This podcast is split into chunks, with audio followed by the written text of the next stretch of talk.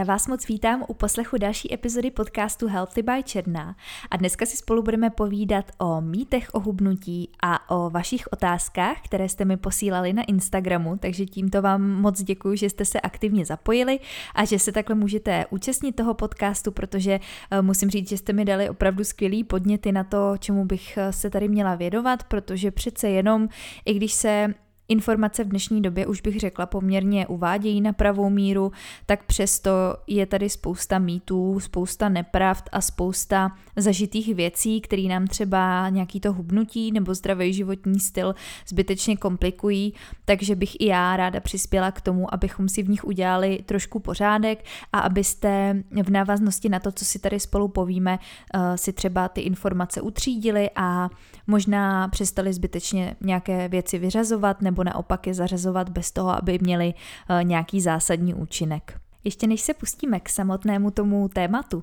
tak bych vám chtěla moc poděkovat za podporu, kterou poslední dobou vy vyjadřujete podcastu. Strašně moc si toho vážím a je vás tu čím dál víc a každé sdílení nebo každá zpráva od vás mě nesmírně potěší a je to pro mě i takový pěkný vidět, že zatím jste vy, reální lidé, kteří ty věci, které vám tady povídám, třeba aplikujete do svého života, takže když potom uh,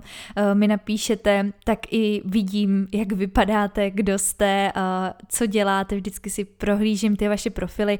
a je to hrozně fajn, že je to taková hezká zpětná vazba, protože přece jenom takhle já mluvím k vám a nevidím vás u toho, takže uh, je to pro mě hezký, že to reálně potom uh, někdo poslouchá, že si zatím dokážu představit ty, ty skutečný lidi. Takže ještě jednou moc děkuji za to, že podporujete tenhle podcast a že podporujete jakýkoliv uh, další podcasty, protože přece jenom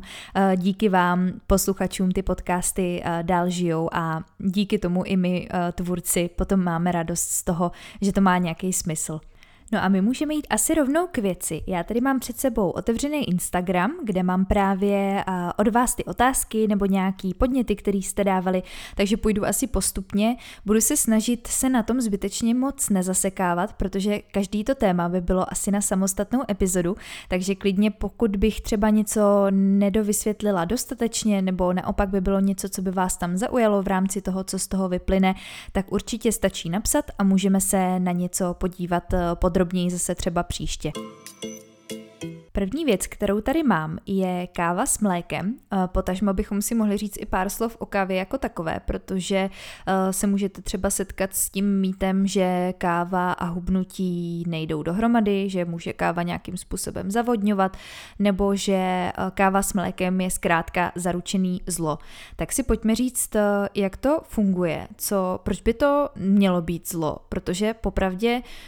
mě nenapadá důvod, kdy tohle to všechno vlastně vzniklo. Eh, já už o kávě mám eh, poměrně hezky eh, rozebranou tuhle tu kapitolu, kdy jsme si s Tereskou Balou v rozhovoru o kávě povídali, takže já nejsem nějaký úplně detailní znalec kávy, že bych vám tady řekla všechny odrůdy a tak dále, ale vzhledem k tomu, že ráda piju kávu a přece jenom o tom, o té výživě už něco málo vím, tak uh, mě tady nenapadá důvod, proč by káva s mlékem měla být uh, nějaký jako velký zlo, nebo proč by to nemělo jít nutně dohromady, protože když se nad tím zamyslíte a rozeberete si ty dvě věci, vezmete si tu kávu a to mléko, tak ani jedno pro mě není, nebo myslím si, že pro nikoho, kdo třeba nemá laktózovou intoleranci a pokud má laktózovou intoleranci, tak si může dát kávu s nějakým rostlinným mlékem, tak nevím, proč by tyhle ty dvě věci měly dohromady indikovat jako něco vražedného nebo něco e, nepříjemného nebo nestravitelného.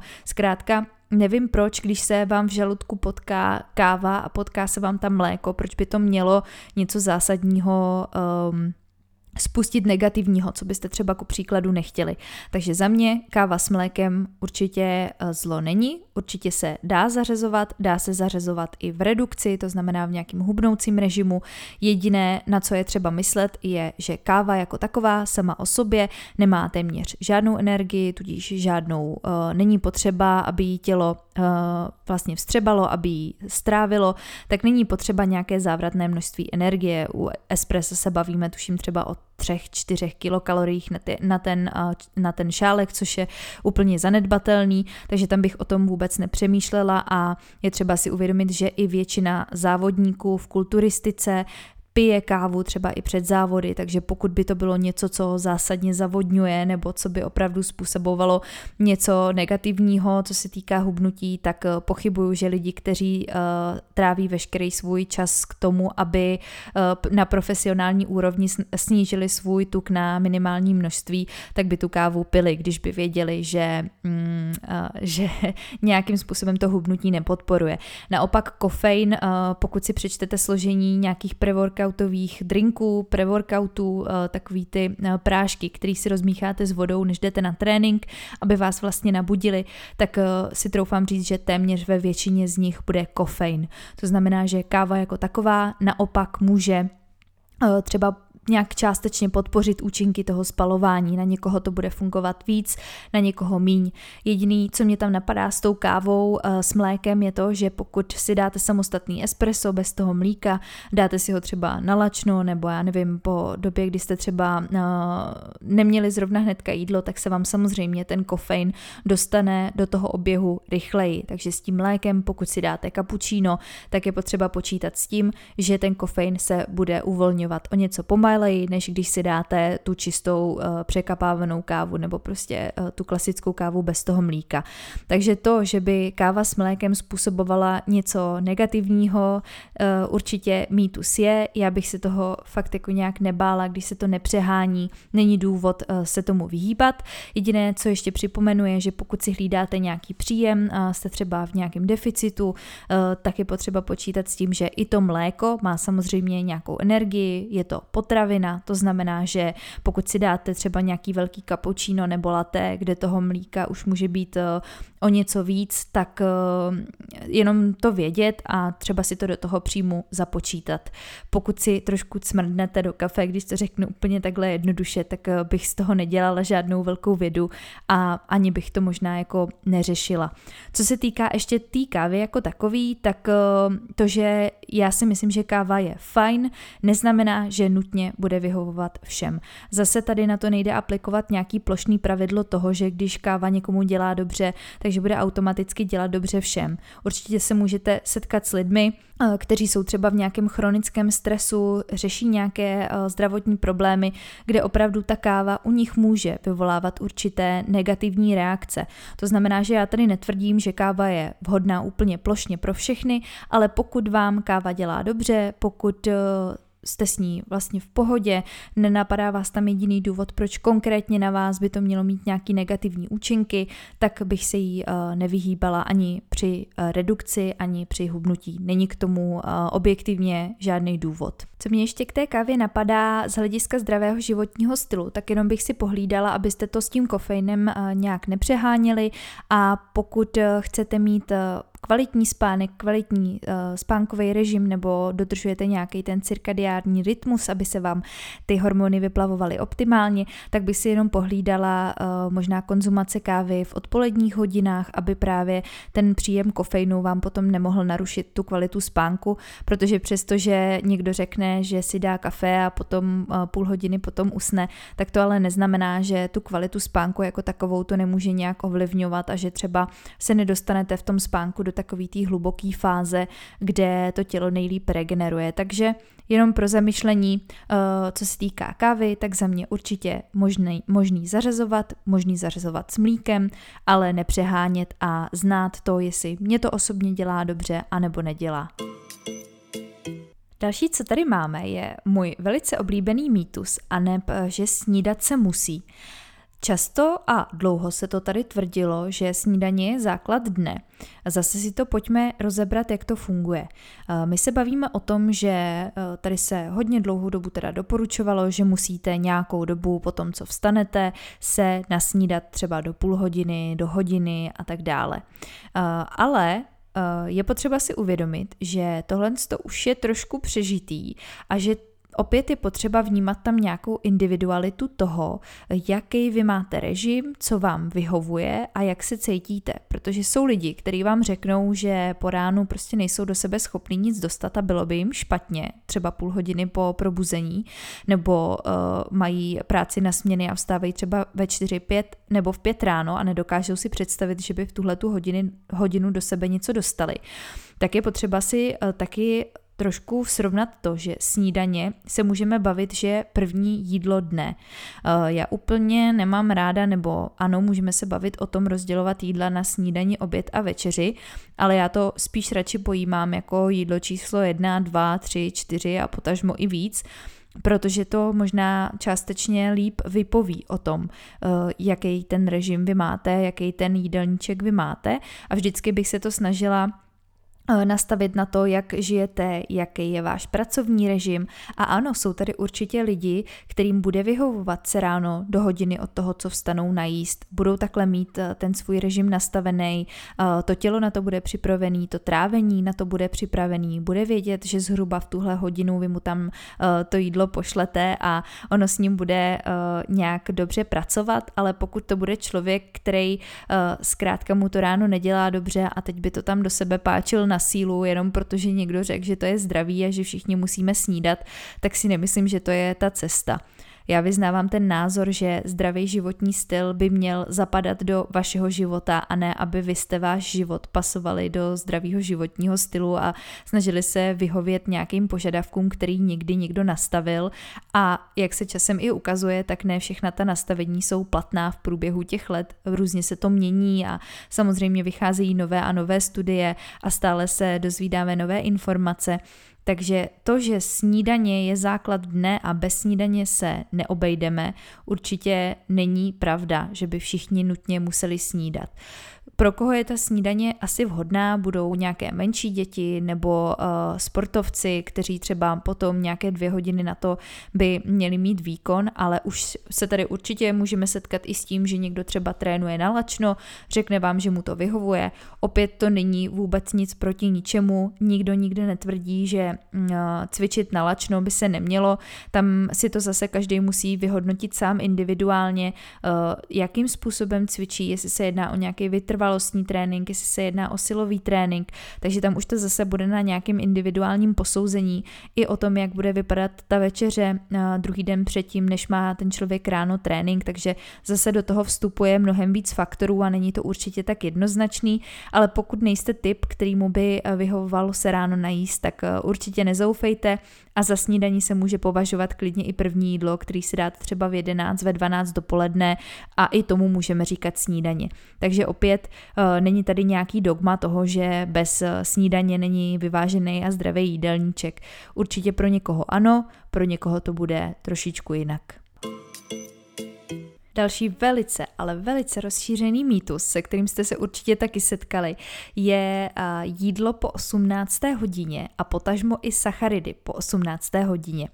Opět něco, co se tady nějakou dobu doporučovalo, možná si to pamatují vaše maminky nebo babičky, babičky doufám, že ne, ale ta generace maminek nebo i nás samotných si může pamatovat, že se tady tvrdilo, že zkrátka večer se nemá jíst. Pokud jste poslouchali ty předchozí epizody, kde jsme si povídali o hubnutí a nabírání a kde jsem vysvětlovala de- 10 nejčastějších chyb při hubnutí, tak znovu tady připomenu, že hubnutí funguje na nějakém principu kalorického deficitu, eh, na nějaký energetický bilanci, kdy vy, abyste hubli, tak musíte eh, vydávat víc energie, než kolik přijímáte. Přemýšlím, že o tomhle natočím ještě samostatnou epizodu, protože přece jenom pořád jsou tam nějaké nejasnosti, tak eh, abychom to zase uvedli na pravou míru, ale teď to uvedu jenom v tom kontextu toho, že eh, večer by se nemělo jíst.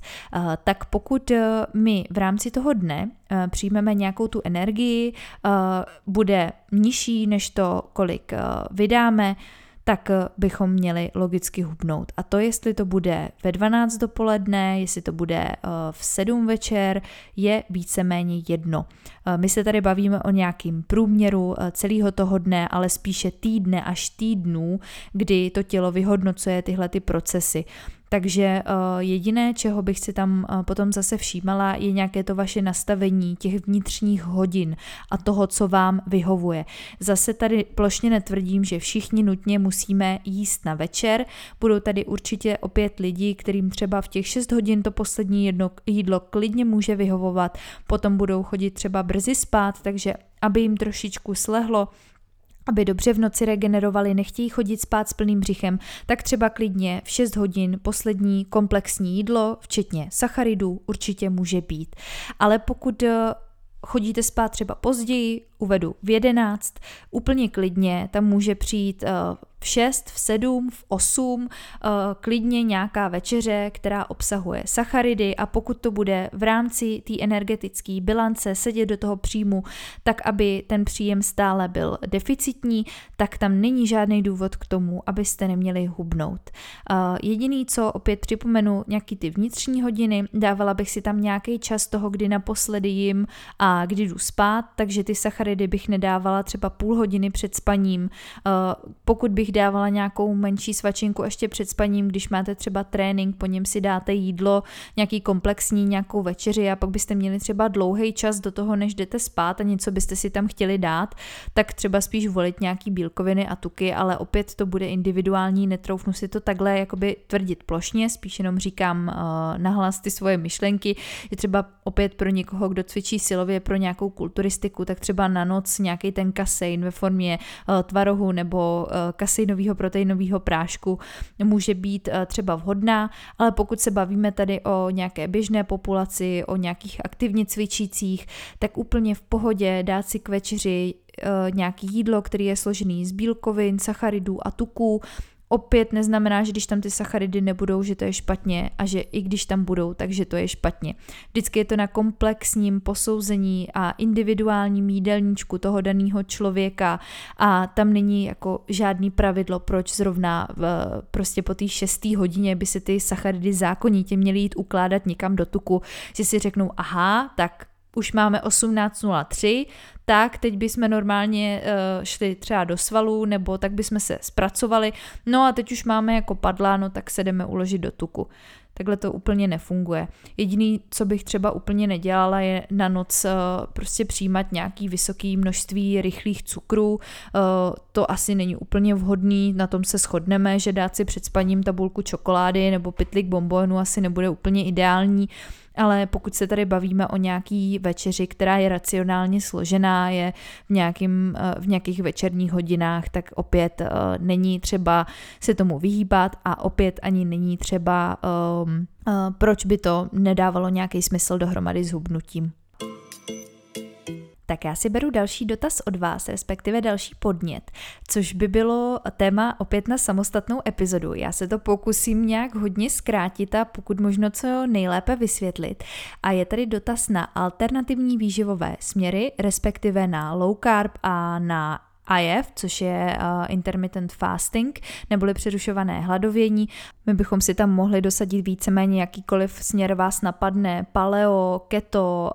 um, veganství asi úplně ne, a to je, to je taková samostatná kapitola, ale možná i veganství někdo třeba začne praktikovat za tím účelem právě, aby zhubnul a konkrétně se tady slečna nebo paní ptá, jestli je to jen o kaloriích, protože často se můžete setkat s tím, že někdo zařadí tenhle ten výživový směr jenom za tím účelem, že se potom nějak zázračně hubne. Co se týká těch alternativních výživových směrů, tak tam si zase netroufám tvrdit, že to je něco, co je uh, buď špatně, anebo dobře. Pokud si vezmeme ten jeden konkrétní, třeba low carb, kdy uh, principem je, že vy omezujete příjem sacharidů, logicky tím musíte navýšit i příjem tuku, což bývá častá chyba, Eh, že bílkoviny asi budou nějakým způsobem stabilní, jako při tom racionálním stravování nebo při tom stravování, kde se vyskytují eh, v nějakým poměru všechny ty tři živiny, tak eh, když tam omezíte ty sacharidy, tak se často stává, že při tom low carbu už potom nenavýšíte ty tuky. Což vlastně ty tuky, když vy ponížíte sacharidy, tak ty tuky by měly dorovnat tu energetickou bilanci. Zase to, co nesníte z těch sacharidů, byste měli o to víc sníst z těch tuků. Pokud se tohle to neděje, tak samozřejmě ano, může tam potom docházet k hubnutí, kdy vy nedo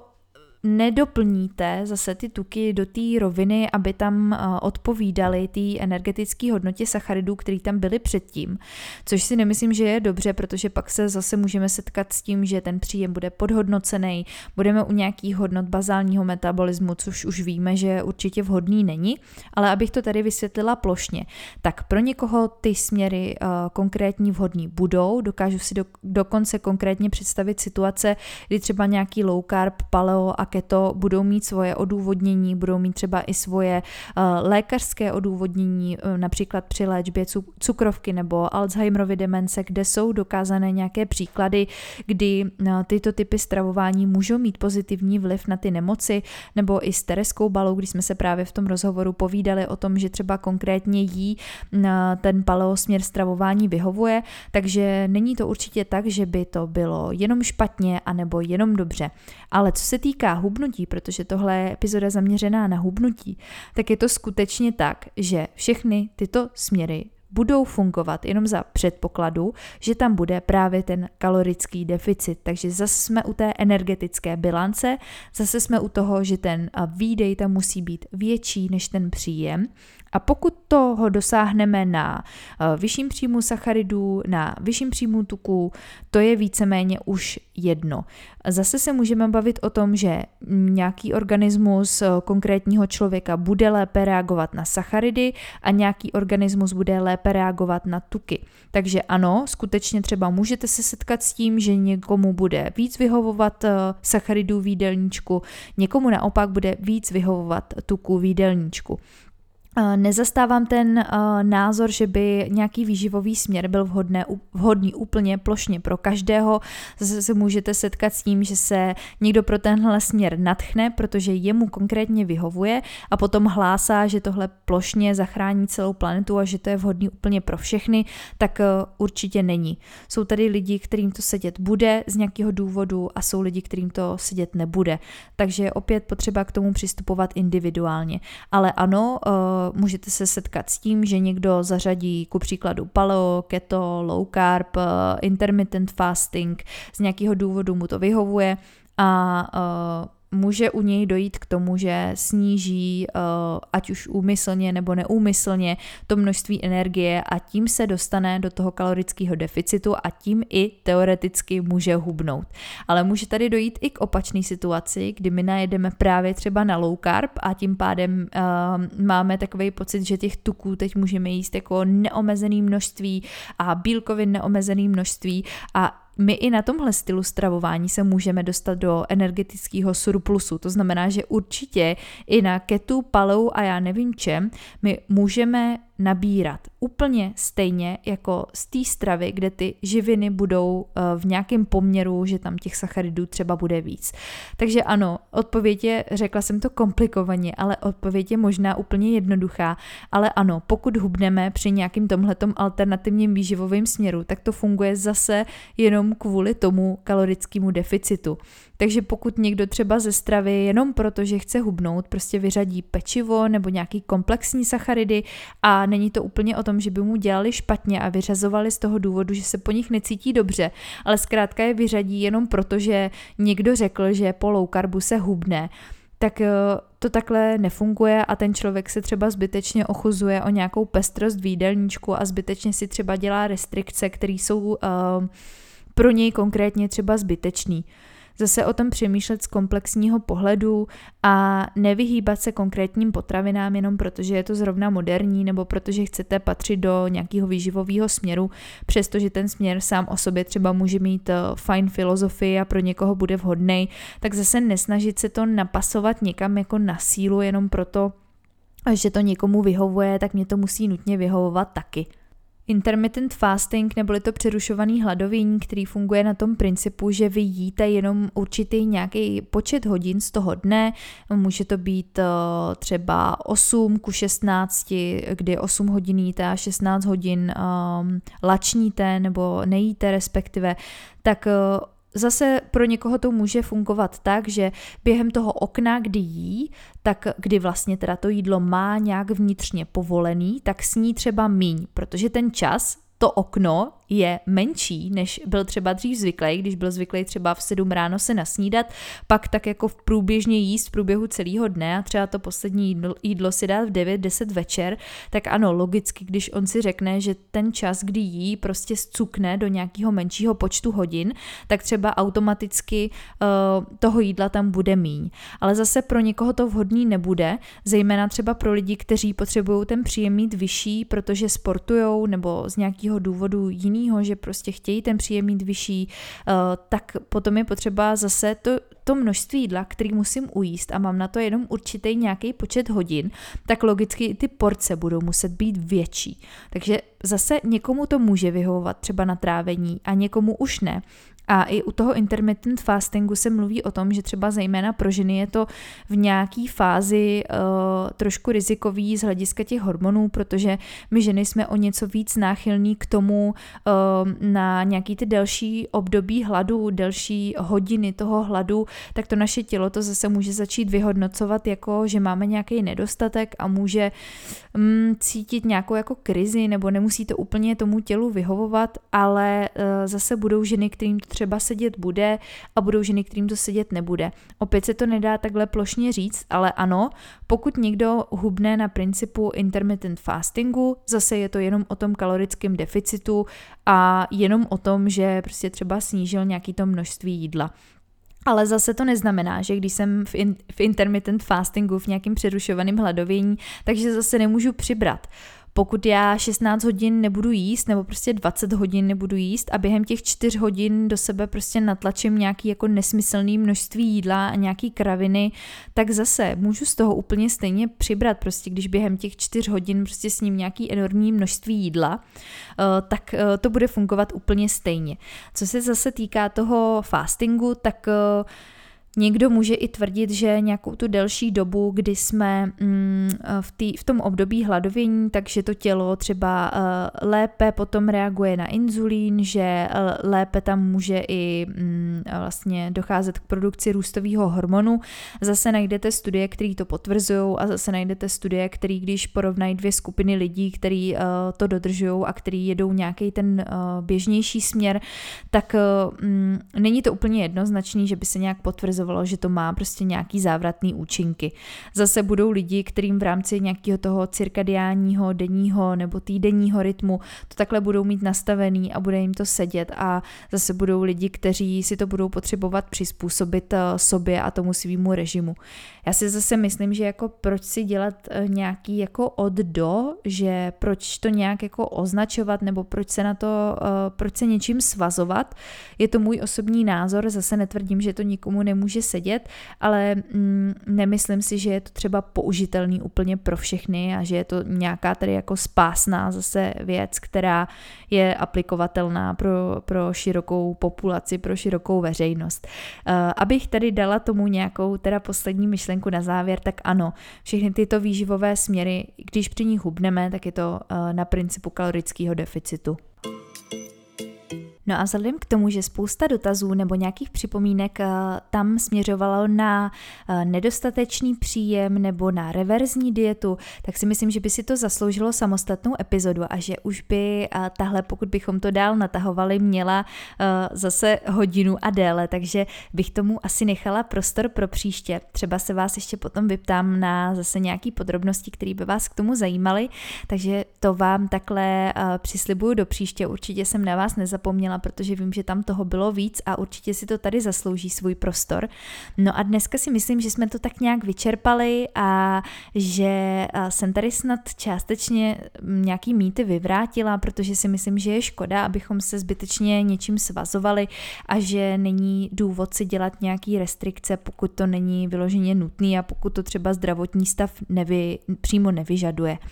Já vám teda v tuhle chvíli už asi poděkuju za poslech, samozřejmě budu moc ráda, pokud zase tuhle epizodu nějak podpoříte sdílením, recenzí na Apple Podcastu. No a jestli ještě neodebíráte tenhle kanál, tak určitě nezapomeňte kliknout na tlačítko odebírat. Pokud by vás napadlo téma na nějaký uh, další epizody nebo uh, tip na nějakého hosta, tak samozřejmě budu moc ráda, i když mi třeba napíšete na Instagramu, protože uh, inspiraci se nikdy meze nekladou. Přeju vám krásný zbytek dne, budu se těšit příště a díky, že jste poslouchali.